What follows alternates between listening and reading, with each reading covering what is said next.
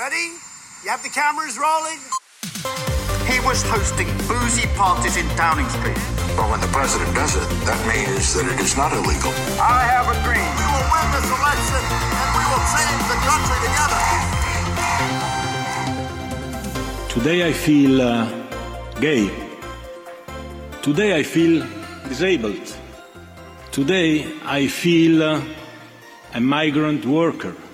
Velkommen. Velkommen. Jeg heter Eirik Bergesen, Og mitt navn er Sofie Høgestøl. og dette er vårt nokså uhøytidelige, veldig personlige forsøk på å gå bak ukas nyheter, lete etter sammenhenger, si noe om framtiden, på jakt etter det store bildet, sånn som vi ser det. Hver fredag. Og det som er litt spesielt nå, Sofie, for nå kikker jeg over noen PC-er, og det er noe julepynt her, og en lang mikrofonstativ. I enden der sitter du og styrer teknikken. Jeg styrer teknikken i dag. For vi, vi har jo byttet over til um, Podplay og nye studioer, og her skal vi prøve å styre litt av teknikken selv. Sitter i Bau Medias lokale, kikker utover Jernbanetorget, faktisk. Ja. Eh, altså location, location, location, i location. Snarøya. Ja. Og, men altså eh, Har vi grunn til å Har jeg og lytterne grunn til å stole på at du sitter bak spaken i dag? Eh, ja, nei, altså jeg er ikke den mest teknisk flinke personen, men som jeg sa til dere når vi prøvde å velge hvem av oss som skulle gjøre dette, så har jeg jobbet fire år på Tusenfryd. Og da jeg jobbet på Tusenfryd, så jobbet jeg blant annet med salg. Altså jeg jobbet på Spill Øvre, som var liksom de som solgte spill og sånne ting i øvre delen av Tusenfryd. Og som en del av det så solgte jeg eh, også sånne nøkkelringer og bilder og sånne ting på Supersplash, Thunder Coaster og eh, Tømmeren, da. Og det, er, det ser ikke teknisk avansert ut, men da må du faktisk styre hele tre forskjellige systemer. For i alle fall da jeg jobbet der, så hadde du ett system for printingen av selve bildene. Du hadde liksom kassasystemet, eh, og så hadde du eh, et annet system som styrte selve bildetaking og sånne ting. Så det var, det var liksom tre forskjellige. Og hvis du sto alene da på en dag hvor det er mye folk i parken, så var det faktisk ganske mye teknikk, for du måtte av og til bytte ut liksom filterne på printerne og sånne ting. Så at det er min tekniske jobberfaring, da.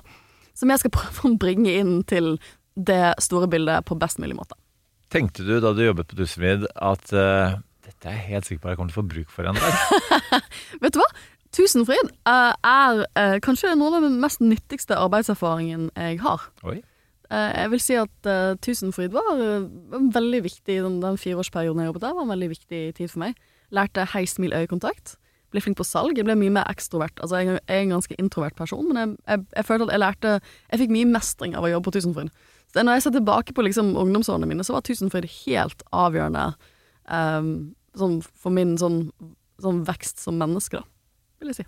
Du verden. Altså, altså med så mange egenskaper du lagt deg til her. Altså du, Tusenfryd skapte en tusenkunstner av Sofie Gestøl.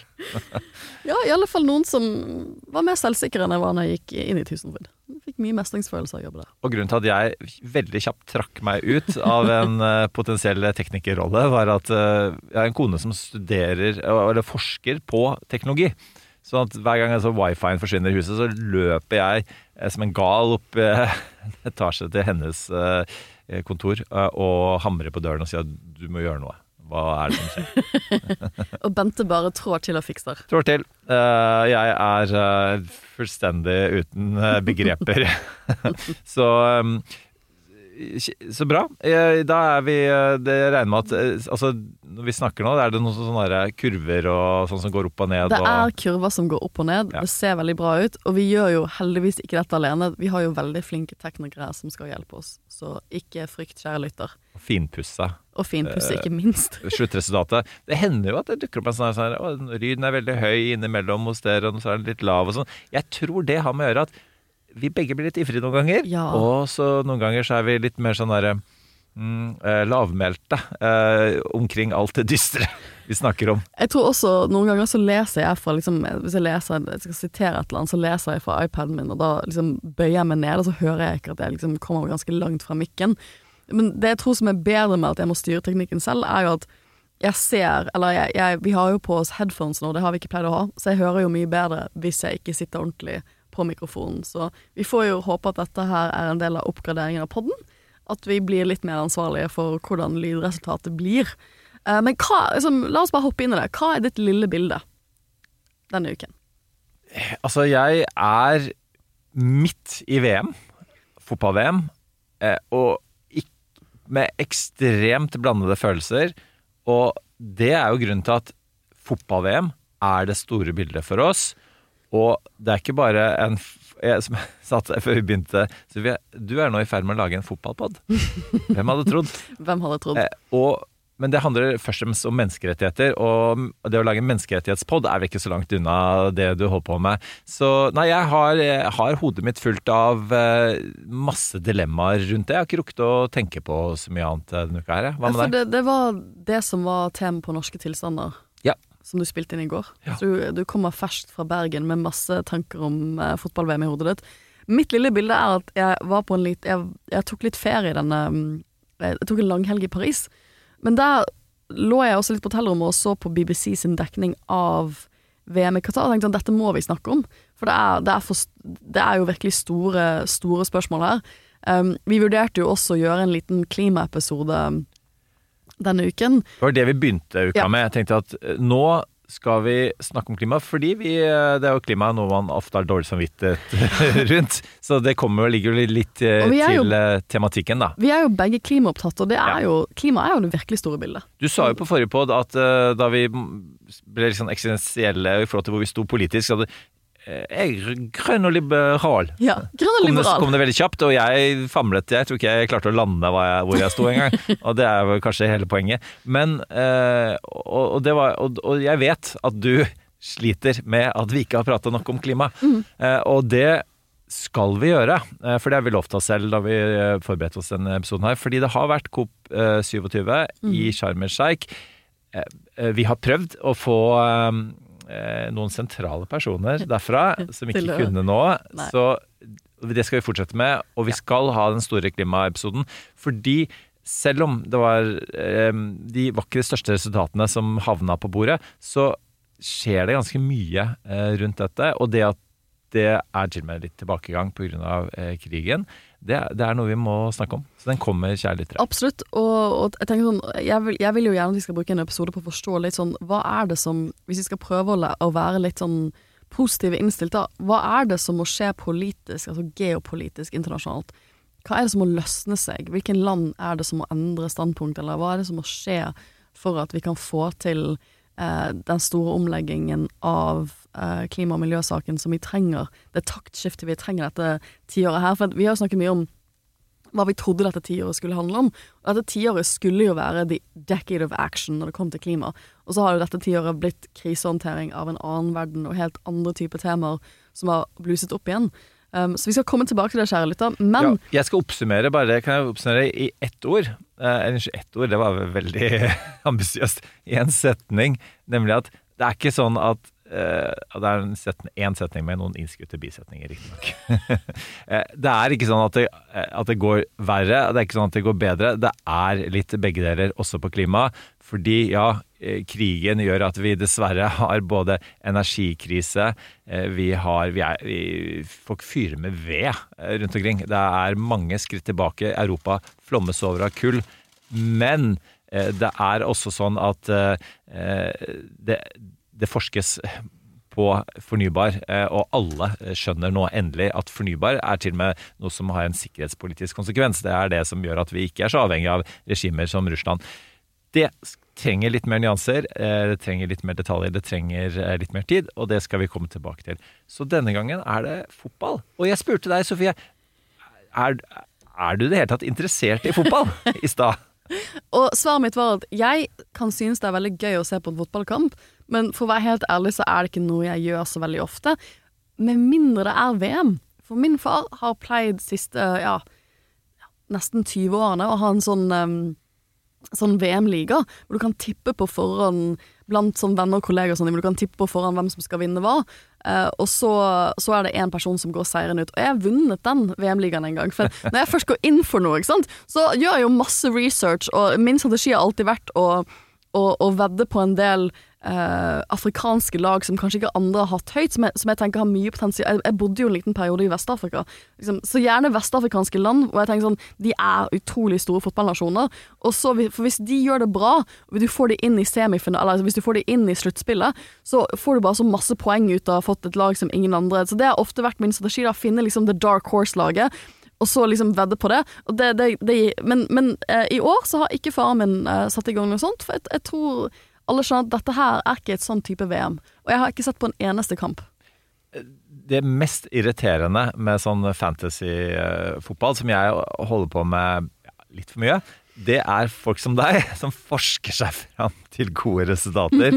eh, og jeg husker da Dagbladet begynte med sånn her eh, Premier League manager, så hadde jeg en sånn eh, studievenn som eh, er kjempeflink i mm, statistikk og metode, men ikke spesielt eh, opptatt av fotball. Og han eh, gjorde det du sier nå, at han gikk inn og knakk de der eh, kodene, fordi hvilke spillere som gjør det bra.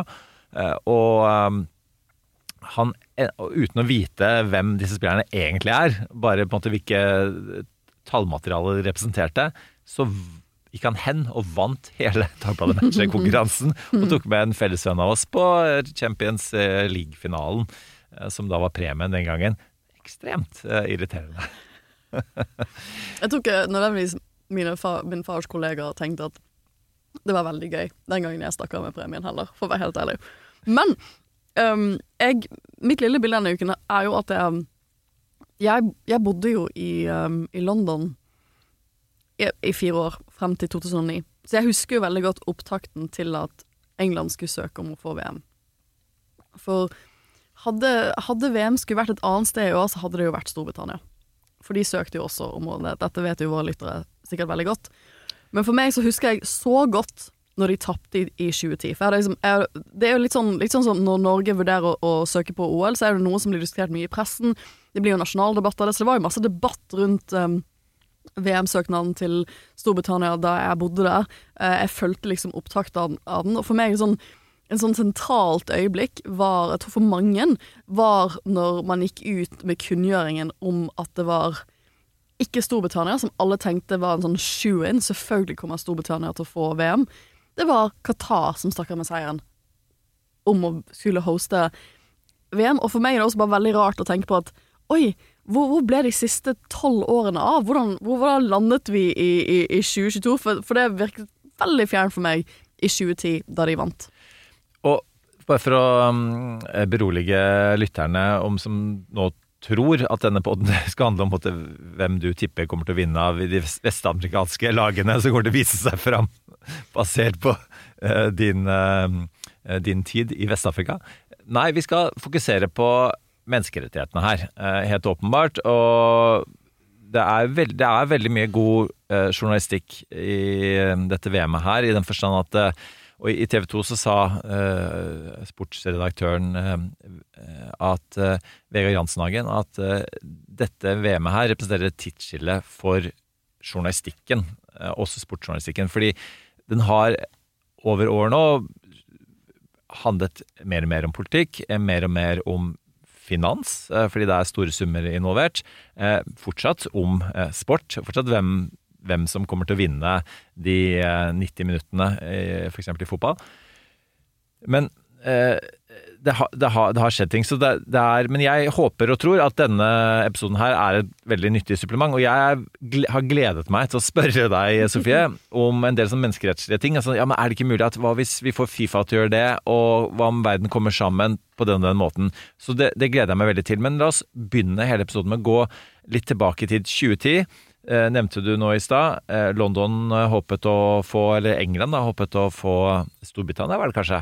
Storbritannia. Storbritannia den gangen, eh, håpet å få VM. Men det var jo to land som fikk VM da, for da ble tildelt både til i 2018 og 2022-VM-ene.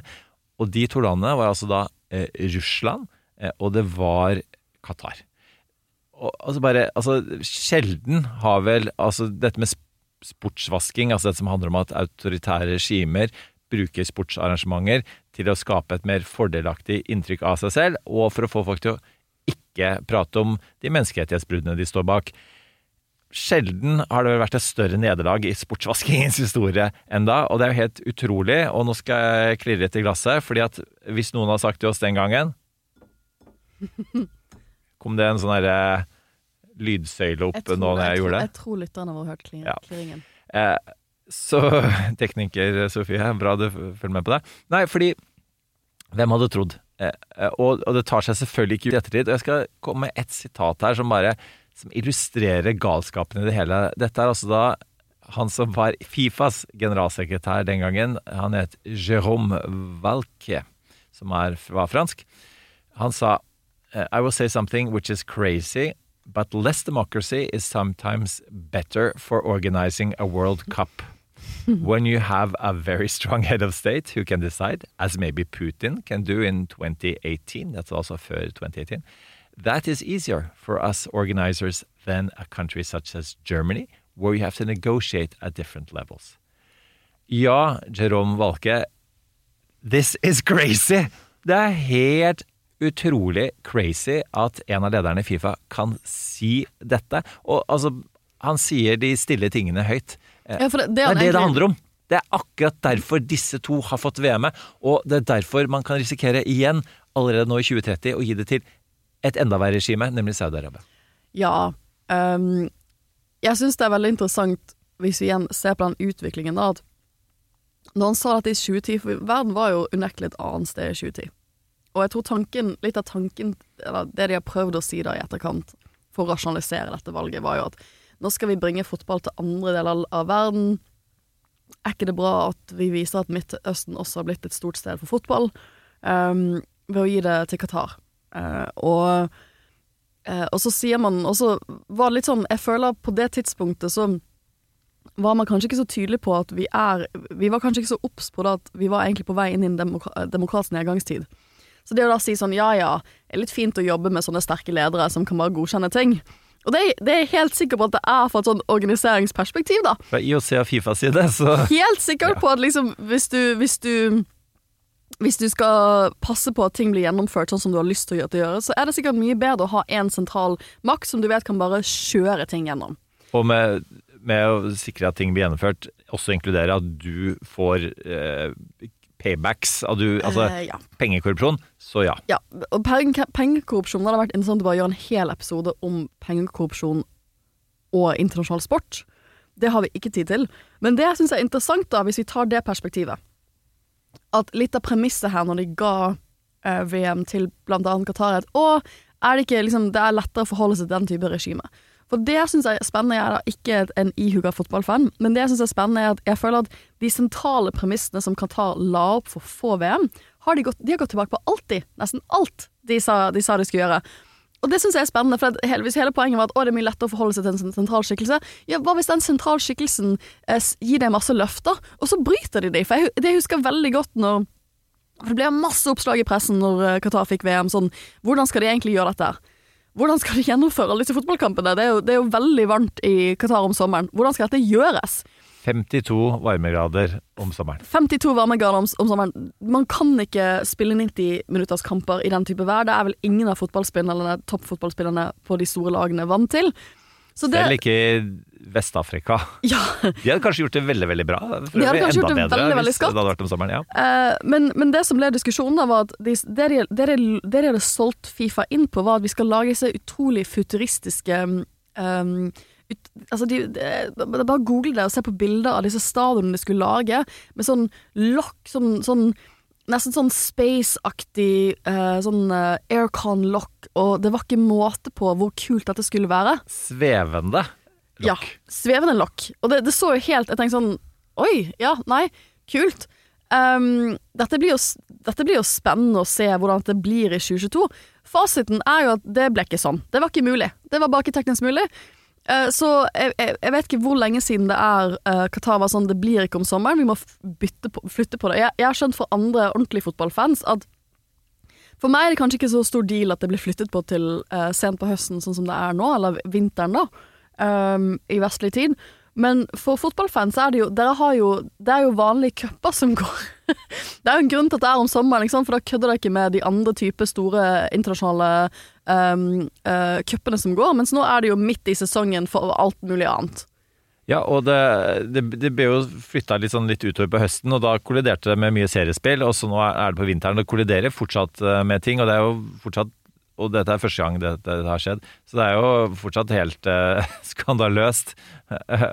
Men eh, også bare for å også, også, det, det, er vår skal vi si, vår søsterpod, vår storesøsterpod, um, som jo heter uh, The Rest is Politics. De har også snakket om dette.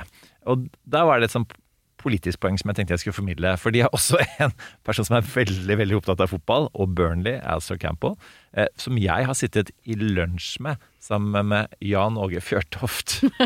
og eh, oss, vi tre, eller de to, snakket om engelsk fotball langt ned i divisjonene, og jeg prøvde å henge med så godt jeg kunne. Fullstendig utenfor mitt eh, kompetansenivå etter hvert.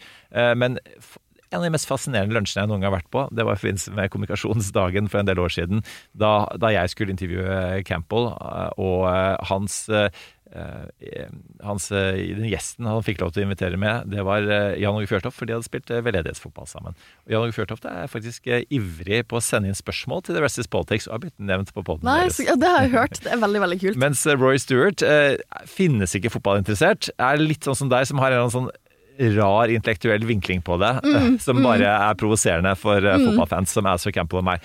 Men det Roy Stewart sier, er at uh, ok, hvis du først skal legge det til arabiske land, da, og som du sier at jo, det er en voksende fotballkultur der, og man ønsker at den skal vokse. ikke sant? Det er typisk derfor legger man det til USA osv. så og, og så er det altså sånn at det systemet med fremmedarbeidere som heter kafal-systemet, det er jo i alle disse landene. Så, ja. så, om du hadde lagt det til Abu Dhabi eller, eller eh, sant, eh, ulike andre steder, Saudi-Arabia selvfølgelig, så ville du hatt eh, mye av det samme. Og du har sharialover eh, på mange steder her som gjør at ok, ja, homofile risikerer dødsstraff. Det de er ikke blitt, som Roy Stewart sier, det, det, det er ikke de har ikke gjennomført det. Ikke at det skal være en betryggelse i seg sjøl, men det er noe med sånn at hvis du først legger deg der, så er det noe av dette du, du får. Um, og det må man på en måte forholde seg til. Men, men hvis vi går Hva tilbake til det? Det? det jeg tenker litt er at dette med at de bytter tiden, det er jo én ting. Hadde det bare vært at de byttet litt på tidene, at, de, at det var ikke mulig med disse totalt futuristiske stadionene som skulle suge ut liksom all, all varme og liksom pumpe inn kald luft og liksom Fra et klimaperspektiv så så det jo bare ut som de verste klimastadionene, for det er, jo, det er jo ikke veldig bra for klimaet å lage Ja. Men det er jo én ting, men, men, det andre er jo Det var jo noen premisser lagt her, med bakgrunn på menneskerettigheter, med bakgrunn på hvordan man skal gjennomføre noe sånt. Um, og det er jo det som er Altså, ble, har mye, mye har jo blitt gjort om at man ikke kan drikke øl på stadionet. For det er en sånn annen ting det sånn jeg, Det husker jeg mange i, i britisk presse var sånn når de fikk eh, VM, så var det sånn Shit, skal vi reise til et VM hvor det ikke er øl? Og så tenkte jeg sånn Det er nok veldig bra for mange britiske fotballsupportere å ikke drikke øl på kamp. Jeg tenkte det kunne vært en fin opplevelse fordi at det går an å gå på kamp edru. Uh, så, ikke det hadde vært en fin opplevelse for dem, men greit. men, men, men, men liksom, det er ikke en sånn stor greie, heller. Men det er jo et, nok et eksempel på hvor de har kommet med noen løfter. Og så i, i, siste liten, når man ikke egentlig Fifa kan jo ikke gjøre så mye, så må de bare endre reglene, for plutselig var det ikke mulig allikevel. Men det som er det store her, det, men de to tingene er jo ikke så viktige som det underliggende menneskerettsperspektivet. Og jeg er helt sikker på at eh, noen av lytterne vil innvende at det nok har vært ganske mange store idrettsmesterskap opp gjennom tidene i verden som har blitt uh, gjennomført ved å bygge stadionene på ymse arbeidsvilkår. Det er jeg helt sikker på.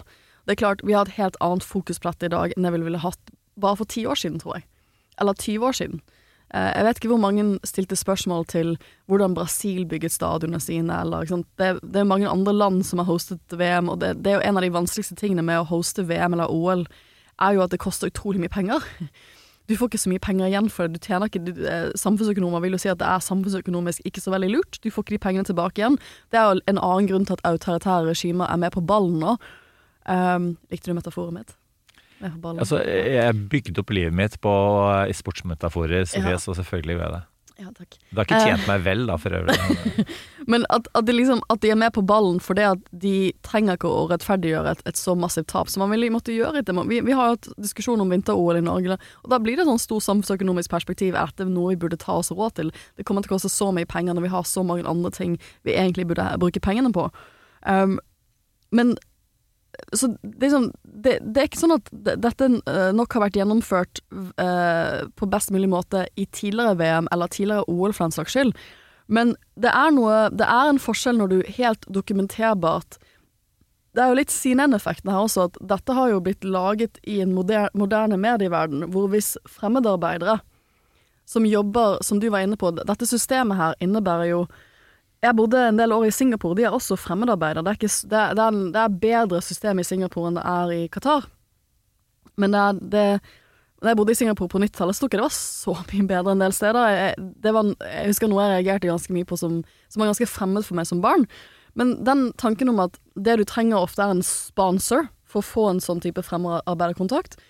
Og, kan, øh, og for å få en sånn type sponsor, så har ofte folk betalt penger til en eller annen agent for å få en sånn fremmedarbeiderkontakt. Dette er veldig fattige mennesker fra kanskje da Bangladesh, som egentlig begynner i minus. De begynner kanskje med 1000 dollar, som er kjempemye penger. Sånn, hvis du er fattig fra Bangladesh, i minus for å få den kontakten, og så må de jobbe ned det lånet.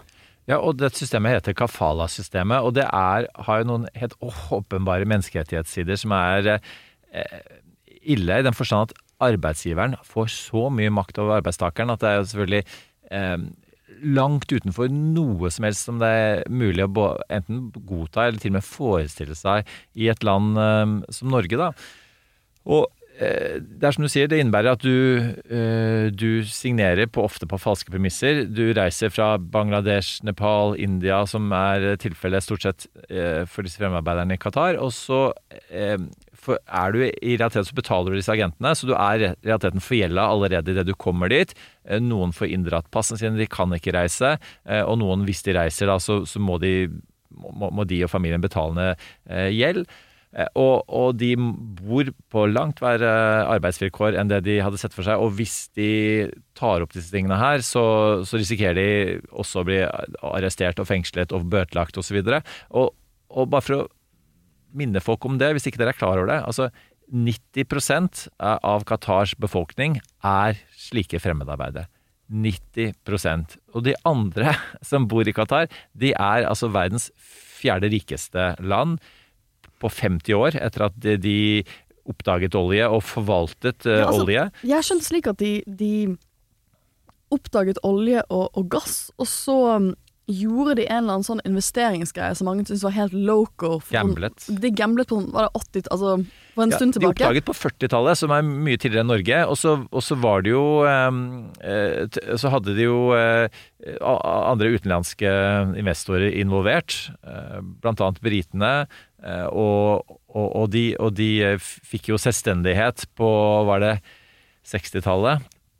Eh, og, og så kjørte de egentlig en sånn altså mange av de landene har jo, vet vi, eh, har, jo fått til eh, altså, I den forstand tjener mye penger på det, i likhet med Norge. Men det Norge er vel fortsatt det eneste eksempelet i verden som faktisk har klart å ha en demokratisk, omfordelende modell eh, for vår oljevirksomhet. Men det som uansett har skjedd, er jo at de aller fleste da, etniske i Qatar, de er sånn også rike at de knapt jobber, og det er andre som jobber for dem på da, helt andre vilkår. Så det er, det er som om vi, Norge, hadde importert 90% av befolkning fra fremmede land, stuet de inn i noen uh, gettoer uh, og latt de jobbe for oss med forferdelige vilkår. Og det, og det, det er altså det, det, landet som nå verden har sitt blikk på i flere uker. Og det som er da fantastisk, er jo som sagt at uh, media har skjønt mm. at det blikket må de holde. Ikke som, bare på det som skjer på arenaen. Ja, for det som utvilsomt har skjedd der, er en del av disse fremmedarbeiderne har dødd i det um, 6500 er på en måte det offisielle tallet. Ja, uh, siden, siden, bygningene, eller siden stadionet og, og, all infrastrukturen ble påbegynt. Og bare for å vise, fortelle litt da, om, om illustrere hvordan de har dødd. Så disse 52 varmegradene om sommeren som ble for varmt til å spille fotball, det har ikke vært for varmt til å bygge de stadionene og de veiene og de T-banestasjonene og de byene som ikke engang eksisterte da de søkte. Ja, for dette er jo verdens mest øh, dyreste VM noensinne. Og hvorfor er det så dyrt? Jo, fordi at de har egentlig de har måttet bygge ganske grunnleggende infrastruktur for å kunne ha disse For å kunne ha, for å arrangere dette. Det vil si at de har bygget T-banenettverk som ikke var der for da de fikk til dette i, for eh, tolv år siden. De har bygget, som du sier, byer, de har bygget hoteller. De har bygget en hel infrastruktursystem. Og det, det, er, nok, det er nok det de tenker litt at de kan, de kan si til sine borgere at ja, det koster ekstremt mye penger. Men vi har fått et infrastruktursystem som skal ta oss inn i fremtiden. For det, når jeg leser om dette i internasjonale medier, så er jo ofte um, tankegangen For jeg har, jeg har lurt veldig som en person som ikke følger fotball. Sånn, føl, er Qatar fornøyd med denne stasjonen selv? jeg har brukt så mye penger på dette. Og, og Roar Stewart sier jo på den podkasten at uh, Qatar er veldig stolt av dette, for de føler at nå vi får vist frem landet vårt. Så det, det er ikke nødvendigvis så mye fotball, men det er det at nå får vi vist landet vårt. Uh, og så har de nok solgt dette litt inn. Eh, Det, det ser ut som taktikken deres har vært at de skjønner at olje og gass er ikke fremtiden. Med, med, med det grønne skiftet. Det er ikke det som kommer til å være fremtiden. De må, um, de må bre ut økonomien sin, og da ønsker de selvfølgelig å få en større jafs av av turistmarkedet. Som, liksom, det er jo mange i Norge også som reiser til Dubai på ferie. De ønsker en større jafs av det turistmarkedet fra Vesten, som, særlig da, som, som eh, reiser mer til Midtøsten enn de gjorde før. Uh, og så ønsker de, annet, de litt annen type økonomi, og da håper de at denne, dette VM-et her, ved å bygge en del infrastruktur, vil sånn grunnleggende infrastruktur som hoteller, T-banenettverk, større motorveier osv., vil være med på å ta de inn i fremtidens økonomi, da. Um, men det er klart at for å bygge et helt T-banesystem fra scratch, så trenger du, trenger du trenger de, selv om de har brukt mye penger på det, tydeligvis Det har jo vært bygd på billig arbeidskraft, og det er jo derfor vi snakker om dette. Så da er jo spørsmålet, da, Sofie, altså Kommer Qatar til å lykkes med denne sportsvaskingen? Kommer de til å eh, de, Altså de, de mediebildene vi har, har sett eh, nå i disse dagene og, og ukene fremover, vil det faktisk gi et positivt inntrykk av Qatar? Og vil folk faktisk reise dit? Jeg, jeg tror ikke det. Jeg tror dette eh, rett og slett eh, kommer tilbake og biter i bak på en skikkelig karma-vis. Ja, altså, jeg tenker Når jeg skulle reise hjem fra Paris, så var det mm, på flyplassen Jeg ble tatt bilde av det, men det var flere reklamer for 'Kom til Qatar'. Kom til Qatar. Uh, og jeg vil si at da jeg så de reklamene, tenkte jeg aldri. Jeg kommer aldri til å reise um, Aldri til å reise til Qatar. Det er nok litt min holdning til en del av disse um, rike eh, mikrostatene i Midtøsten, eh, som har um, veldig dårlig menneskeretts... Um, skuddmål, og ikke minst diskriminerer hardt mot kvinner. Det er ikke mitt toppferiested. Jeg skjønner ikke helt For å være helt ærlig, jeg skal være helt ærlig, jeg skjønner ikke helt kvinner som reiser for til Dubai, uten å tenke på at vet, mye av det man antageligvis gjør, er straffbart. Um, det har jo vært uh, Da jeg bodde i London, så var det jo tilfeller med britiske kvinner som bodde i Dubai, som plutselig Det var en, en 19-20-åring som var på sånn gap year mellom studiene og, og videregående. Hun hadde sovnet, hun jobbet som dykkerinstruktør, så hadde hun sovnet inne, eh, inne på sånn, der de hadde mm, kontorene sine. Eh, og da ble hun arrestert for å ha sovet på samme sted som en mann hun ikke var gift med.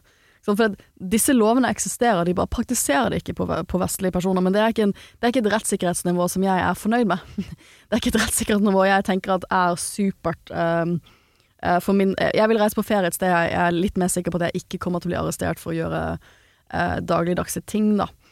Um, og så har du selvfølgelig disse menneskerettsperspektivet også, som er veldig betenkelig. Men et, jeg tenker jo at vi må huske at vi lever ikke alle i samme liksom, Tilbake til det spørsmålet du stilte, kommer folk til å reise dit? Jeg hadde nok ikke reist dit uansett, så det er ikke meg de prøver å treffe. Uh, men det er nok noen personer kanskje som tenker at oi, de hotellene så veldig fine ut. Dette så bra ut. Også fordi vi må huske at vi ser dette fra vårt vestlige perspektiv. Men dette går jo internasjonalt, og det er kanskje andre verdensdeler som vil tenke, jeg tenker Asia for eksempel, som vil tenke, kanskje tenke litt annerledes om de skal reise eller ikke.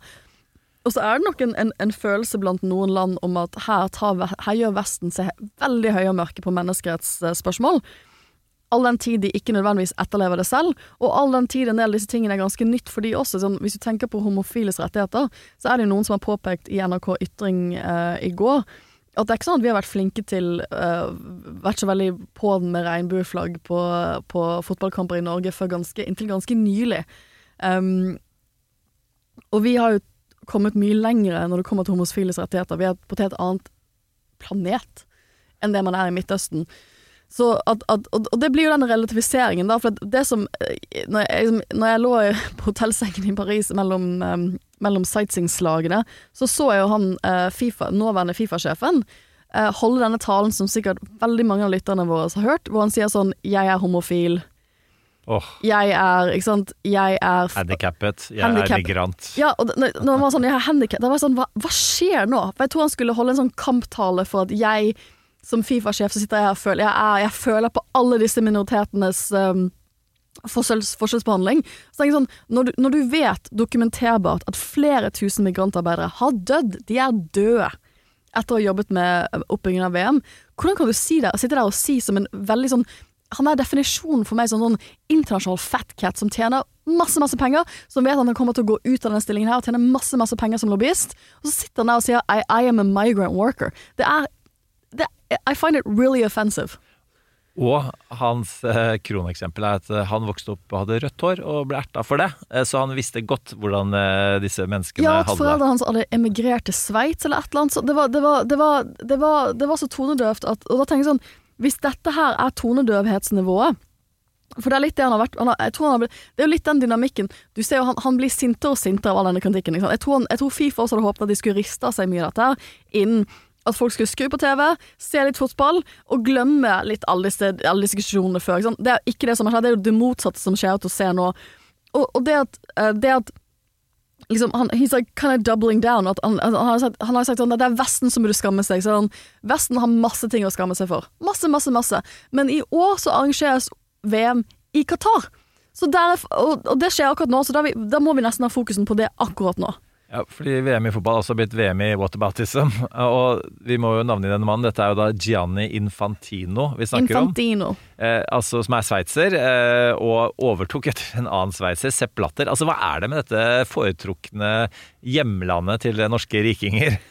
altså, eh, og det ligger jo i strukturene der også, med at eh, du kan godt plassere pengene dine hos oss, men vi vil bare ikke vite hvor det kommer fra. Altså Det er en eller annen sånn derre eh, evne til å se drive business, men se vekk fra måte, en del menneskerettslige og potensielt kriminelle omkostninger ved det, som Sveits burde ta en liten omdømmedebatt med seg selv Ja, på. det, det jeg syns er så sånn, For meg også så, så, så sjokkerende er å se folk som David Beckham. Da han har fått mye kritikk i Storbritannia.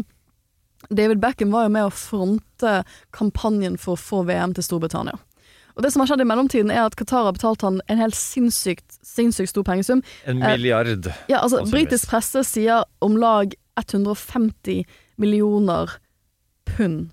Så det er 1,5 Altså, det, det, er så mye, det er så mye penger, da. Eh, og han har spilt inn disse sånne utrolig rare eh, reklamevideoer. Sånn 'Å, jeg har vært i Qatar, og jeg bare elsker det', og liksom, jeg føler meg så velkommen av kulturen. Og det, det, det er veldig interessant å se hvor mye koster det for noen å gi opp mye av integriteten sin. Og det, men det 1,5 milliarder. 1,5 milliarder, og det, det en Hadde god du, hadde du 1,5 milliarder, jeg hadde kanskje vurdert det, men, men det, det er en god prislapp. Men det er også sånn for meg Det er påfallende at de har 1,5 milliarder kroner til eh, David Beckham, men de kunne ikke betalt migrantarbeiderne sine litt mer penger, eller gitt dem litt mer fritid, sånn at de ikke døde på jobb. Ja. Ja. Veldig det- eh, godt eh, poeng. Og det er jo det som en del eh, humanitære organisasjoner jobber med akkurat nå om dagen. Blant annet Amnesty, som har en del reklamer på annet på TV 2 eh, nå om dagen. Og det er en hashtag som heter PayUpFifa, som jo handler om som, som de også er med på, som handler om akkurat det. Som handler om at La oss nå, når dette er over, eh, gå gjennom finansene og se om ikke man kan eh, sørge for at, eh, at i, et system, da, i en verdensdel hvor, hvor dette systemet er utbredt, at Qatar tvert imot kan bli et forbilde for, for andre på bakgrunn av dette her. Men det som er interessant med Infantino, det er jo at han driver jo en slags måte, kulturkrig. Eh, og du sier at det med double down, det er jo hvem er det som gjør det? Jo, en Donald Trump. Og mye av det, det med ja, men vi er ikke så mye bedre, og jeg er europeer, og de siste eh, 3000 årene her, han bruker som eksempel, eh, så har jo også vi gjort veldig mye ille. Altså, en, og en annen som det også minner om, eh, og den eh, kritikken av det dekadente eh, Vesten, er jo Putin, som Infantino. Det er sånn eh, bildet av eh, Putin og eh, Mohammed bin Salman, kronprinsen i Saudi-Arabia, og den reelle herskeren der, med Infantino imellom på fotballkamp, som ler og koser seg. Og det er eh, Hvem var det? Var det John Oliver som sa 'shit sandwich'? Du har sjelden sett en sånn shit, shit, shit, Og det, det, jeg tenkte Det jeg tenkte når jeg så det bildet, offshore så det bildet av MBS, som han heter, han eh, kronprinsen i Saudi-Arabia Mannen som også står bak eh. Khashoggi-drapet. Washington eh, Post-journalist. og mm, ja, Han sitter jo der på åpningskampen, og så skjønner man jo det, det er fordi at Saudi-Arabia veldig seriøst vurderer å søke om VM, de også. Eh, for vi må jo huske at Qatar også prøver å posisjonere seg selv vis-à-vis de andre arabiske statene her. Sant? Dette er en sånn intern regional greie. For de vil bli det nye Dubai. Ja, og de, og de, sånn, de bruker dette her som en anledning til å knytte sterkere bånd til visse andre typer stater. Og vise at vi er også en key player. Vi var kanskje en av de mindre kule arabiske statene, men nå er vi også en del av miksen her. Eh, Så det er masse regionalpolitikk her som jeg syns er skikkelig fascinerende. Jeg kan ikke nok om Midtø- Midtøsten til å virkelig følge det, men, det, men det, er jo interessant hvordan en sånn type arrangement blir brukt på forskjellige politiske måter, da.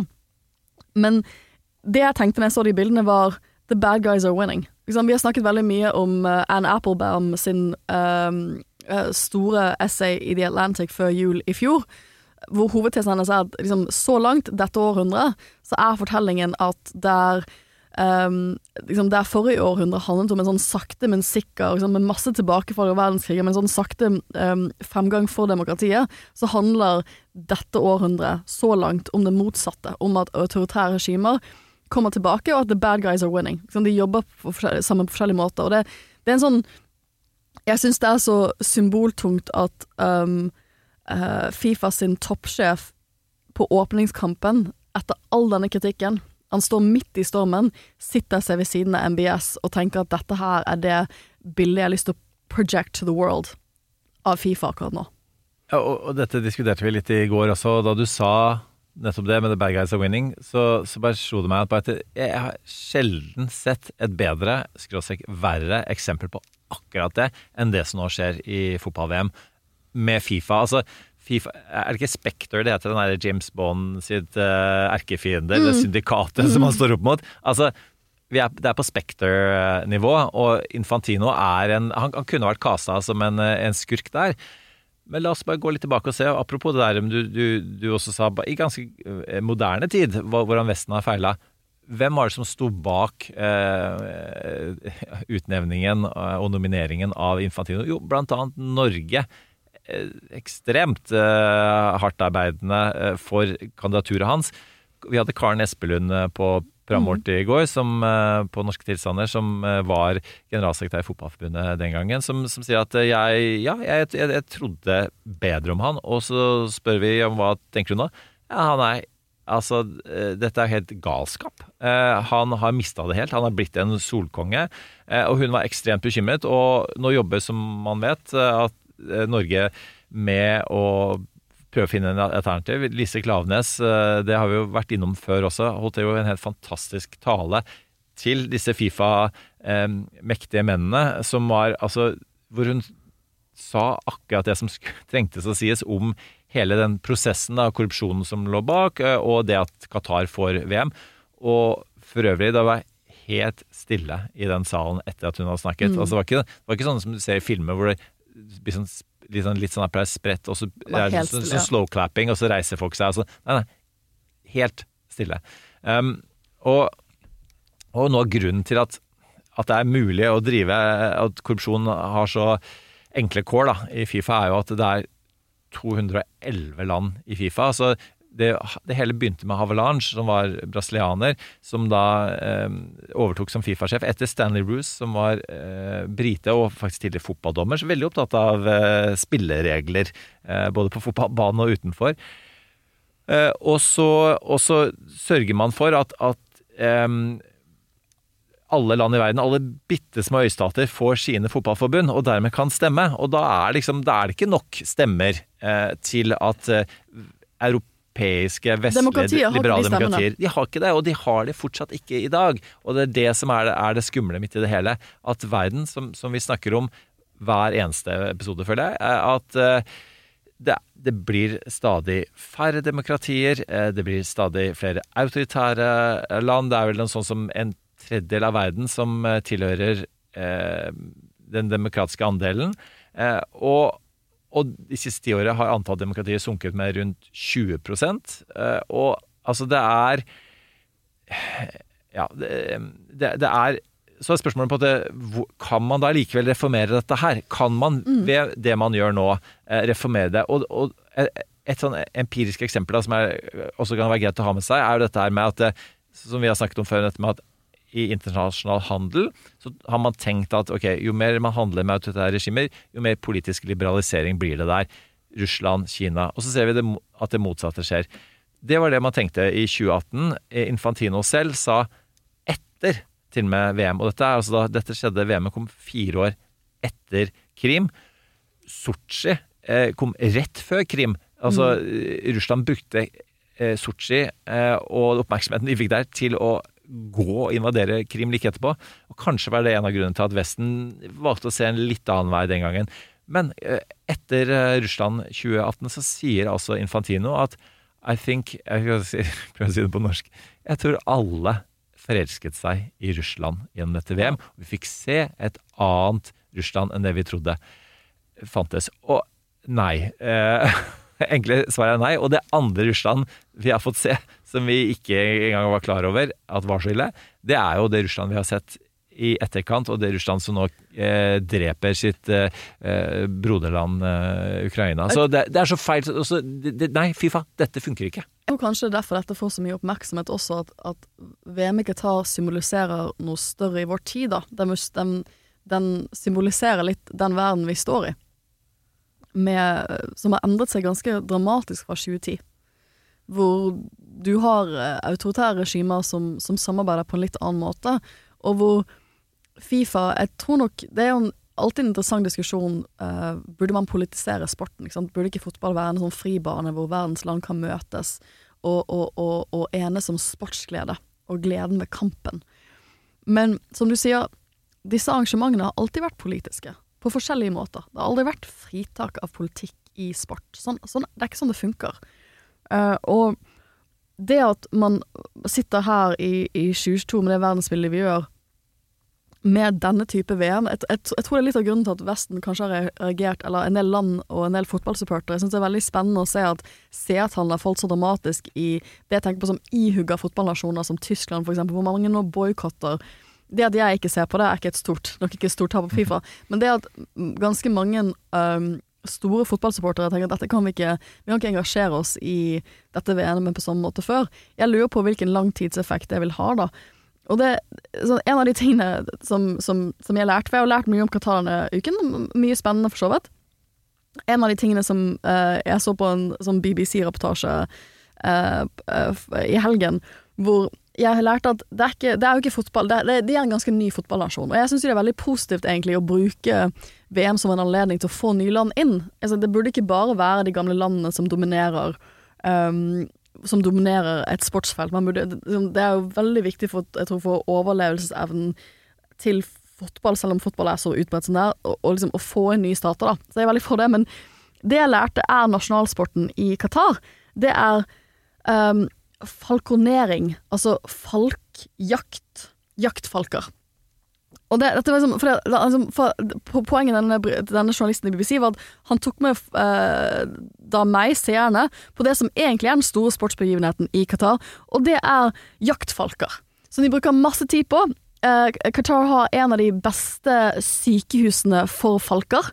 Så de, har, sånn, de falkene de blir jo igjen Hvis du tar opp liksom det, sånn, det blir veldig ubehagelig når begynner liksom, Når jeg ser på dette, liksom, dette fantastiske sykehuset for falker, og da liksom, sammenligner det med disse migrantarbeiderne, så blir det det er, er, er ikke, det er ikke bra. Men jeg tenker sånn Jaktfalker, det er helt fantastisk. Dette, dette er kjempespennende. Eh, og Han intervjuet ganske mange tilskuere som var Det var jo bare menn, selvfølgelig. For det, er- jo, det jo andre. er, hvor er kvinnene? Det er noen kvinner på stadion, og sånne ting, men det er ikke, det er ikke, det dette er ikke kvinners VM, for å si det forsiktig. Men de var liksom Nei, dette er liksom nasjonalsporten. Det har vært i, sånn, det, det har vært i denne området av verden i sånn flere tusen år. Dette er en sånn gammel, gammel praksis. Og så tenkte jeg, de har jo brukt det er ingen som har brukt mer Dette er det dyreste VM-et noensinne. Qatar er et lite land befolkningsmessig. Per innbygger har brukt mye penger på disse, på disse gamesene. De burde jo mye heller investert i sånne internasjonale falconeering-konkurranser. Jeg tror det var en mye mer effektiv måte å drive, liksom drive reklame for Qatar enn et fotball-VM. For det, det er kanskje det, det som jeg er jo ikke en ihuga fotballfan, men jeg tror kanskje det er det også som tar liksom vestlige supportere, er at dette er et land som ikke engang virker å være så engasjert i fotballen. For det var litt det som var hovedbudskapet til disse som var på denne Falconeering-stadion. At å ja, men det, er dette altså, Jeg ville kanskje godt se på fotball, men dette, det er dette her som er gøy. Det er dette her som er spennende. ikke sant? For de er ikke, og, og du, Når du ser på stadionet også, som er litt sånn halvfulle til tider, men skal ta prøve å si at nei, men de er ganske fulle, så ser du jo rundt det er, Noen av kampene virker det å være litt glissen fra de bildene som blir vist. Uh, De er ikke halvtomme, de er halvfulle. det er halvfulle. Liksom, det, det er sånn det, det, bare, Hele greien er bare så kunstig, da. Det, det er sånn det er, det, er, det er fravær av den supporterskaren som du er vant til å se i stort eh, i, i VM. Det er et fravær av Og så, og så kommer Og så øh, roter man seg inn i disse kranglene. For når du sier sånn Du vil jo stille meg spørsmål sånn Kunne ikke Fifa ha krevd litt mer her? Og de, de kunne nok Ja, for det lurer jeg på. Kan ikke du ta det, Sofie? Hva kan, om ikke du klarer å kvitte deg med Fifa Litt sånn som eh, man har fått gjort i boksesporten. Du har fire forskjellige sånne her, eh, gullbelter i Mm. fire forskjellige forbund, og der har man fått en sånn oppsplitting. Eh, Antagelig så handler det mer om hvordan man skal kare seg mest penger, mer enn en, enn, eh, menneskerettighetsdilemmaene. Men eh, altså, er det mulig at man at Uefa for eksempel kan eh, eh, si om, eh, presse Fifa virker ikke som, men altså, mer eller mindre true da med å ha et slags europeisk mesterskap hvor de henter de beste landene, fra, spesielt fra Latin-Amerika, da, eh, til, å, til å være med, og, og på den måten kanskje tvinge gjennom noe reform i Fifa. Altså Kan man se for seg at, at, Fifa enten reformeres, eller at de da eh, overfor arrangørland i regimer som har autoritære trekk, kan forlange f.eks. For på forhånd at ja, dere skal få ha VM, men eh, da må dere anerkjenne eh, homofiles rettigheter. De skal få lov til å eh, ha de kysser hverandre, gå med de flaggene de vil, eh, og media skal, sånn som det jeg kan ha prøvde seg på før VM, eh, at, at de, de, skulle måtte respektere og de måtte hedre eh, Qatars kultur osv. De fikk ikke lov til å besøke leirene til fremmedarbeidere. At media skal få lov til å jobbe, gjøre jobben sin som de gjør ellers i verden. Ja, altså, er skal, det du, mulig? skal du arrangere VM, så må fri presse være grunnmuren. Ikke sant? Selvfølgelig skal fri presse inviteres inn. Hvis du, hvis du er et land som egentlig ikke tillater det, så må du bare inn, da får du ikke VM. Sånn, hvis du ikke er villig til å Jeg tenker at det hadde vært mulig å sette helt andre premisser, men det er jo litt det at Fifa internt Det er jo litt det jeg syns er interessant der. For jeg føler at de som har blitt mest ydmyket så langt denne uken, i mitt syn, er på noen måter Fifa. For det at eh, Qatar går tilbake på så mange av de tingene som på en måte var premissene for dette. Alt fra når VM skulle arrangeres, til, um, til, uh, til alkohol på tribunene. Som var sånn, ja, men det skal det bli. Og så snur de seg to-tre dager før og sier nei, det blir ikke det. Og, det, og, det, og, og til disse Det at jeg- tror ingen hadde forventet at det skulle være sånn at man ikke kunne gå med regnbuearmbånd, at man skulle få gult kort for det. Det, det er jo helt, det er jo helt vilt, og, det, og, det, og da, da har man jo som arrangør Altså Fifa har jo ikke greid å sette noen ordentlige premisser for, eh, for dette VM-et. For at jeg, jeg syns jo ikke det er helt greit at man har lover mot homofili um, uh, som det Qatar har, men det har vel noen sett i land, dessverre, i verden. Uh, jeg håper det ikke er tilfellet om ti år. Jeg håper vi har kommet et, et godt stykke lenger enn det. Men jeg tror premisset må jo være altså Hvis vi skulle arrangere vinter-OL, så vi, måtte vi også gå med på en del premisser som vertsnasjon. Og det er en av grunnene til at Norge Ikke- trakk ja. søknaden sin fra vinter-OL sist, fordi dette med at eh, IOC skal ha egne filer eh, på eh, Motorveien. motorveiene våre Mm. Altså, det, det går ikke lenger. Vi, vi gjorde eh, Vi hadde jo OL i 94 på Lillehammer, og det var jo på, på, for å få et bedre omdømme, og det funket ganske greit Funket. eh, for oss den gangen. Eh, Men altså, det kan ikke bli sånn at bare autoritære regimer og Norge eh, og eventuelt Ja, andre det, eller det kan ikke være sånn at Fifa og disse organisasjonene og OL-komiteen, bryr seg om motorveifelt. og liksom setter harde krav på motorvei, sitt egen liten motorveifelt når de skal inn i uh, arenaen og sånne ting. Eller All Things VIP, da. Ja. All Things VIP, som er, for, som er veldig unorsk, da. Det strider veldig med norsk kultur. Det er vår kultur. Vi har ikke sånn type sær, særordninger for toppeliter. Det, det er et møte med norsk kultur. Sånn gjør vi det ikke i Norge. Men, det, men vi hadde gjort det. Vi hadde skjønt at vi hadde måttet gjøre det hvis vi skulle arrangere OL. Men det er helt sinnssykt for meg at man kan være veldig tydelig på sånne type krav, og ikke sette krav for fri presse. Ikke sette krav på at folk som jobber med uh, å konstruere de bygningene som Og det hadde sikkert vært bra for mange vestlige land at det var bedre at Fifa var tydeligere på forventningene sine rundt arbeidsrettigheter når det kommer til bygg av stadion og sånne ting. Sånn, Det burde være et premiss. Og så burde det være et premiss om at fotball At eh, fotballen er for alle. Også for skeive, også for, folk med en annen kjønnsidentitet. Og det må dere bare respektere. De som kommer som tilskuere, de skal få lov til å kunne praktisere? Sin, sin kjønnsidentitet. Og liksom, liksom, og, liksom, det, det kan ikke, det kan ikke legge begrensninger. Da får dere sette de lovene til side under, under VM. Og det at man ikke kan sette en del sånne krav, man kan ha disse andre sinnssyke sånn fatcat-kravene til Som er en av grunnene til at det er så dyrt å arrangere OL, og er så dyrt å arrangere VM, og en del demokratier ikke gjør det. Det for meg sier veldig mye om situasjonen i disse for forbundene. Og da har vi på en måte fått fasiten for hva Fifa må gjøre for å, eh, at disse VM-ene kan fungere.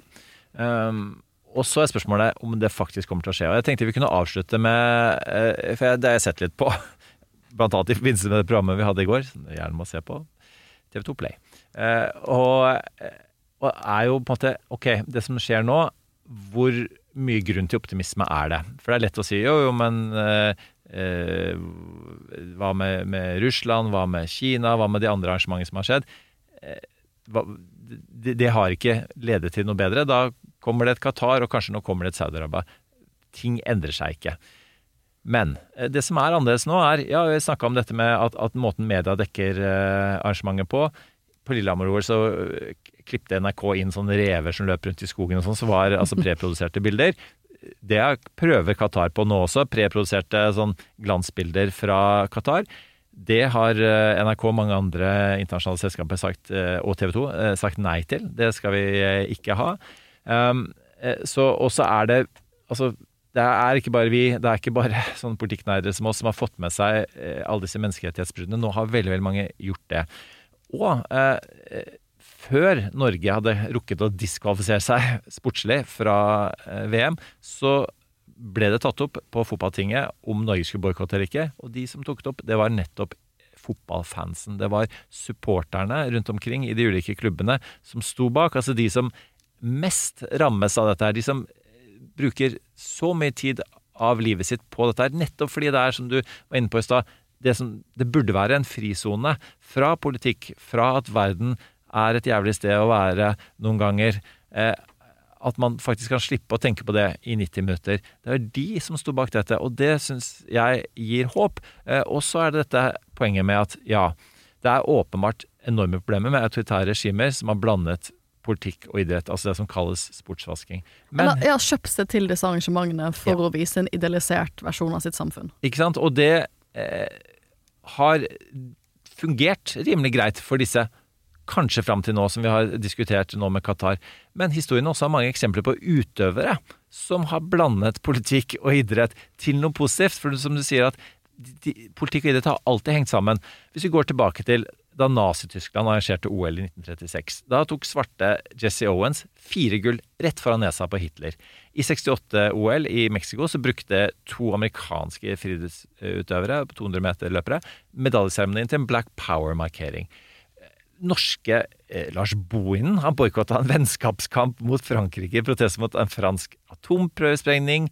Eh, altså du har Hvis du går tilbake til tidligere fotball-VM-er, da, i 98 i Frankrike, så var det det herre eh, Black eh, Blanc Beur, eh, som, som landslaget ble kalt, for de var så multietniske, som sto opp mot Le Pen senior eh, den gangen. I Tyskland eh, 06, og også på tilsvarende måte. Tyske landslaget var også, viste seg å være eh, multietnisk. Og så ser du nå i dette VM-et her, du ser spillere som jubler eh, med å vise hjertesymbolet. Du ser det tyske landslaget holder hendene henda foran eh, ansiktet. Du, de har eh, regnbuer på, Ja, på skoene. jeg- jeg altså, det, det skjer jo ting de, de ved utøverne.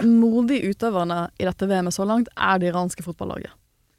Ja. De har valgt å protestere eget regime, og jeg leste i The Guardian i går at um, de uh, iranske regimet nå har arrestert en uh, topp fotballspiller for spreading propaganda against the state. Han er ikke en del av VM-skåden, men noen tolker dette her som et veldig direkte signal til de som er i VM nå, at hvis dere fortsetter sånn, så arresterer vi dere når dere kommer hjem. Det er virkelig menn som risikerer mye for å protestere et regime eh, deres eget regimes behandling av kvinner. De kvinneprotestene som skjer i Iran. Og, så videre. og det er bare rett og slett utrolig modig. Så jeg, jeg tror det er noe som skjer her. Det, det, det virker som det er noe som skjer her. Også at, som sagt, jeg, jeg tror at jeg tror at vi i Vesten kan tenke at vi kan, hvis vi skal være så høyere, så tydelige på disse verdiene, så skal vi være enda flinkere til å passe på at vi praktiserer de like godt uh, i våre egne sant? At vi feier for egen dør uh, når vi målbærer disse verdiene. Uh, men, og, og at jeg, jeg tror ikke Som en person som har vært enga... Liksom, jeg, når jeg studerte menneskerettigheter i London i 2008, så hadde jeg nok ikke trodd at det skulle være så mye fokus på menneskerettigheter Ja, det er bare å klirre i glasset. Jeg hadde ikke trodd at det skulle være så mye fokus uh, om menneskerettighetene uh, Særlig altså, uh, migrantarbeidere. Vi vet jo at det er mange steder i verden hvor migrantarbeidere misbrukes på helt forferdelige måter. Dette er ikke, dette er ikke en problemstilling som bare begrenser til Midtøsten. På ingen måte. Og det, det at det har blitt et såpass stort fokusområde, det gir litt håp på at det er skiftende Det er rett og slett et større skiftende perspektiver her på, på, på hvilke verdier vi har lyst til å fremme, også gjennom store internasjonale fotballtreff. Og med det tenker jeg at vi er kommet til en naturlig og positiv avslutning. Det er håp. Det er ikke minst det at fansen, det at utøverne selv tar tak, så er det kanskje den beste måten å få forbundene eh, og for å få landene selv til faktisk å lytte. Eh, Og så skal jeg bare avslutte med en Apropos det feier for egen dør. Beckham hadde en eh, kontrakt med Qatar sånn, vi var anslått på sånn rundt 1,5 milliarder. Eh, et annet tall, 1,3 milliarder, altså omtrent samme territoriet, er altså da eh, summen av våpensalg fra Norge til Qatar i år. Så Ja. la oss eh, tenke litt på det også, folkens. Eh, som er eh, ren storpolitikk. Når vi også snakker om det som skjer på og av fotballbanen. Ja, jeg hadde jo egentlig tenkt å runde av dagens episode med en liten Trump-watch, for da har jeg blitt utnevnt. Altså, altså, de tenker aldri på vår pod når de gjør store ting i USA, for etter vi var ferdig med å spille inn vår pod fredag kveld forrige uke, så ble det klart at, um, at justisministeren i USA har utnevnt en såkalt special counsel, som skal ta over saken etterforskningen mot Trump. Det tenker jeg blir litt mal apropos å ta inn nå, så vi kommer tilbake til det, for det kommer helt sikkert til å være en del utviklinger i den saken eh, fremover. Så frykt ikke lytter hvis du har lyst til å ha et lite Hvis du har, hvis du, hvis du lyttet innom i dag for å få litt oppdatering på hva skjer med etterforskningen mot Trump, så skal vi selvfølgelig komme tilbake til det. Men jeg tror tiden rett og slett er inne for ukas anbefalinger. Så hva er din anbefaling denne uken, gode Eirik? Det må bli eh, en podkast, og det må handle om fotball-VM. Og det må være våre gamle venner i Crooked Media. Som eh, har De er jo amerikanere, så de, de kan ikke alt om fotball, men de har fått med seg en eh, brite. eh, og de har lagd en uh, podserie som heter World Corrupt. Som eh, handler om sportsvasking, eh, fotballvasking, og det handler om Qatar-VM. Og den er veldig god. Den eh, går veldig i dybden på det som skjer, så den bør folk eh, absolutt eh, høre på for å Og om du ser på VM eller ikke, gjør det med også med et blikk på politikken. Og, og det er vel vanskelig å gjøre det uten blandede følelser, uten en, en litt vond smak i munnen, og det er Sånn er det bare. Eh, Og det er eh, Sånn er det med idrett. Det er ikke en, eh, en vakuumpakket frisone, selv om vi skulle ønske det. Jeg kommer faktisk til å Det, det var veldig rørende, Eirik. Jeg skal se om jeg får tid til å lytte til den podden. Jeg syns jo det er veldig spennende når um, kultur- og idrettsarrangementer blir storpolitikk. Det er litt samme grunn til at jeg syns liksom, det er fascinerende å, å, å, å følge Eurovision. Som også er sånn på et sånn regionalt nivå i Europa. Masse storpolitikk. Ikke sant? Land stemmer på hva? BBC pleide å ha en sånn ekspertkommentator som kommenterte um, um, Eurovision, som, som kunne ganske godt predikere hvilken land som kom til å gi hvilken type poeng, og det var jo bare geopolitiske hensyn. Ikke sant? Eller liksom, hvilken land var alliert, hadde nærme politiske bånd med hvilket land. Kjempespennende. Det er litt, litt sånn alt um, Vi mennesker er jo Vi er jo mangfoldige, ikke sant. Det å tenke at noen deler av livene våre er liksom politikerfri eller politikkfri soner, sånn funker det ikke. Og alt, alt kan jo bli brukt i et storpolitisk stormaktsspill. stormaktspill. Og det er jo det vi ser skje med, med, med også idretten. Eller vi er kanskje mer obs på at det også er tilfellet på idretts- og kulturarrangementer. Men jeg tenkte faktisk å spole tilbake til min anbefaling forrige uke. Jeg, følte at jeg fikk ikke gjort en ordentlig heder til Tom Christiansen. For Tom Christiansen er jo, som sikkert mange av lytterne våre har et, et sterkt forhold til, i likhet med meg. Han, han var jo da en NRK-journalist som i mange år var eh, Norges stemme i Afrika. Han var eh, utenrikskorrespondent for NRK i Afrika. Det var vel sånn han eh, ble ordentlig, ordentlig rikskjent. Um, og Tom Christiansen var jo også en viktig person for meg første gangen jeg var på, på radio uh, og TV, for så vidt. Det var med Tom. Han, uh, skulle, han hadde liksom internasjonal strafferett som et av sine hobbyområder, som han syntes var interessant. da. Så i, uh, da Palestina skulle bli medlem av Den internasjonale straffedomstolen i 2015, så eh, var han på utkikk etter noen som kunne snakke om det, og da hadde jeg vært stipendiat et år, kanskje, og holdt på å skrive en forskningsartikkel om det. Og hadde skrevet en kronikk i Aftenposten om at de hadde blitt medlemmer, som han da på en eller annen måte fant, fant fram til. Og det var den første gangen jeg var på, eh, ja, på NRK, eller på radio. Og Tom var liksom en konstant for meg gjennom tiden min med NRK i å, å være en sånn mentor som av og til hvis han så at jeg var på Dagsnytt 18, så, så, kom han, så kom han ned for å snakke til meg, og, og jeg tror ikke jeg hadde Jeg tror ikke jeg hadde vært den formidleren jeg Jeg hadde ikke vært den formidleren jeg er i dag uten Tom. Og derfor så skal vi gjøre en giveaway. Så jeg har ikke glemt dere gode Kan ikke du bare også ta med den historien hvor du som du fortalte meg, som jeg var lei meg for at du, du alt dette her da, du ikke fikk fortalt sist. Da han kom og du følte at eh, du ikke hadde gjort det så bra. Ja, nei, eh, jeg Første gangen Altså, jeg, første gang jeg var på Dagsnytt 18, så syns jeg ikke jeg hadde gjort en god jobb i det hele tatt. Uh, mens andre gangen jeg var der, var med han, og det var for å snakke om um, om en diktat, tidligere diktator, uh, Hissan Habre, som ble stilt for retten i Senegal. Um, og og da, først, da følte jeg det var gøy. Men han som sagt pleide å komme liksom av og til når han så meg, gi meg tips, og jeg tror han følte liksom, han hadde tatt, tatt meg inn i NRK-systemet. Sånn, jeg tror han følte at han sånn, en viss sånn type Men det, dette var noe han gjorde med mange, det er poenget med Tom. Han gjorde dette med mange, mange personer. Han hadde en sånn helt særegen eh, egenskap til å se folk, og, og ville at andre sku, mennesker skulle lykkes. Um, så det, en gang jeg var på Dagsnytt 18 hvor, hvor um, det var, altså, det var eh, også en av de første gangene jeg hadde vært der. Så kom han liksom ned etter at han hadde tydeligvis hatt på sendingen, da, så kom han ned og sier sånn Du må ikke se så redd ut. Du ser så redd ut. Og så var jeg sånn Men jeg er skikkelig, skikkelig redd. Og så var jeg sånn Du må lære deg å smile mens du snakker om vanskelige temaer. For jeg var sånn, jeg prøver å se all, liksom, Jeg var jo sånn, jeg var ganske ung da. Jeg var sånn, jeg prøver å se alvorlig ut mens jeg snakker om alvorlige temaer. Han var sånn, du må lære deg å smile mens du snakker om alvorlige temaer.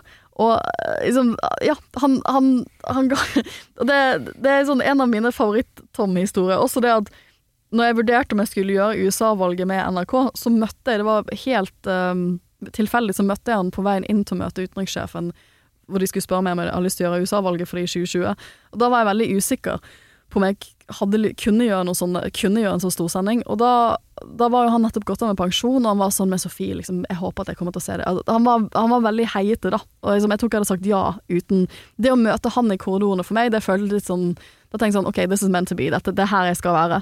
Um, liksom, jeg lærte av Jeg si, jeg lærte to ting av Tom. Jeg kunne dessverre ikke være på bilsettelsen hans som var forrige torsdag, for da var jeg på Stortinget. Uh, og det Jeg skulle så gjerne vært der, men det, jeg vil si at det er to ting som Tom lærte meg. Det første er formidlingsglede. Sånn, han sånn ekstrem Han var så utrolig glad i, fortelle, i, i fortellinger, og han hadde en sånn enorm formidlingskapasitet som bare smittet over. Og det andre var hvor store ringvirkninger man kan ha som menneske ved at man gjør mange små drypp av nestekjærlighet og oppmuntring. For jeg tror at hvis du går rundt på NRK, eller folk som har vært rundt Tom på en eller annen måte, så vil jeg si at det er min opplevelse av han. Det var veldig mangens opplevelse av han. Jeg tror det var, når han døde veldig uventet for to uker siden, så var det det man så uttrykk for hvor mange liv han hadde berørt ved å Liksom disse smådryppene med, med, med nestekjærlighet og, og oppmuntring som ikke så mange andre gir på den måten som Tom gjorde. Nå er det jeg som ble rørt, eh, Sofie. Ja, nei, uh, uh, han, nei, han hadde en sånn øhm, Han ville, Det var noen som sa visstnok i begravelsen at han ville at andre, alle andre skulle lykkes. Han ville at alle mennesker skulle lykkes. Uh, han hadde en sånn enorm raushet i seg. Så jeg har dette forstått inn to uh, utgaver av boken hans 'Afrikanske fortellinger'. uh, som er en um, pocketversjon av, um, av mye av det han opparbeidet seg av kunnskap mens han bodde i Afrika. Som han også har laget som en podkastserie på NRK, som dere kan eh, gå og lytte på. Jeg ville absolutt, Han har en sånn utrolig behagelig radiostemme som han blir veldig lun og god og, og litt av. Og jeg er ikke religiøs, men til og med jeg, når jeg hørte på andakten han gjorde av og til på NRK, kunne bli veldig sånn salig. Altså, jeg tenker Når Tom snakket om Gud, så tenkte jeg at det er også en gud jeg har lyst til å spille på lag med. Hvis Gud er sånn, så, er, så har jeg også lyst til å, å, å Så kan jeg også uh, Jeg kunne blitt religiøs hvis jeg hadde hatt en prest som Tom i, i, i ungdommen. Men ja, vi skal gjøre en giveaway for å hedre han, og også fordi jeg føler at vi snakker jo så mye om USA, men du og jeg er jo så interessert. Endelig har vi en episode hvor vi ikke snakker bare om sånn USA-fokusert politikk, for du og jeg er jo interessert i så mye annet, og Tom var jo veldig flink til å få fokuset over på en del konflikter og en del land som ikke får så mye oppmerksomhet. Så den ånden skal vi Jeg hadde jo veldig lyst til at han skulle komme med i podkasten og og snakke om de tingene han var opptatt av. Men da skal vi altså gjøre en eh, giveaway, så jeg kommer til å legge ut et bilde av disse to bøkene, og så kan du vinne den bare ved å like, eh, like bildet. Så kjære lytter, jeg håper at dere, dere gjør det, og at dere lytter til Tom sin kloke stemme, som dere kan finne mange, mange utgaver av på nrk.no. Og helt til slutt, hvis eh, kommersiell radio, giveaways eh, Vi er i Bauer Media. eh, det er eh, annonser. Vi ønsker å vokse. Så hvis du liker dette her, eh, og tenker at eh, noen som prøver å se sammenhenger som media ikke alltid klarer å fange opp, og prøver å si noe eh, som, du, som du så fint sa i stad, dette med å smile i i møte med alvorlige ting, at jeg tenker at det også er bra pod. Så like oss, gi oss en vurdering der du hører på den. Anbefales gjerne til noen andre. Og ha en fantastisk eh, helg, og komme neste uke. Og med det så signerer tekniker Sofie Høgstøl av denne episoden. Tusen takk. Og nå er jeg veldig spent på om du husket å trykke på play før vi begynte. Jeg tror det. That's enough. Put down the mic.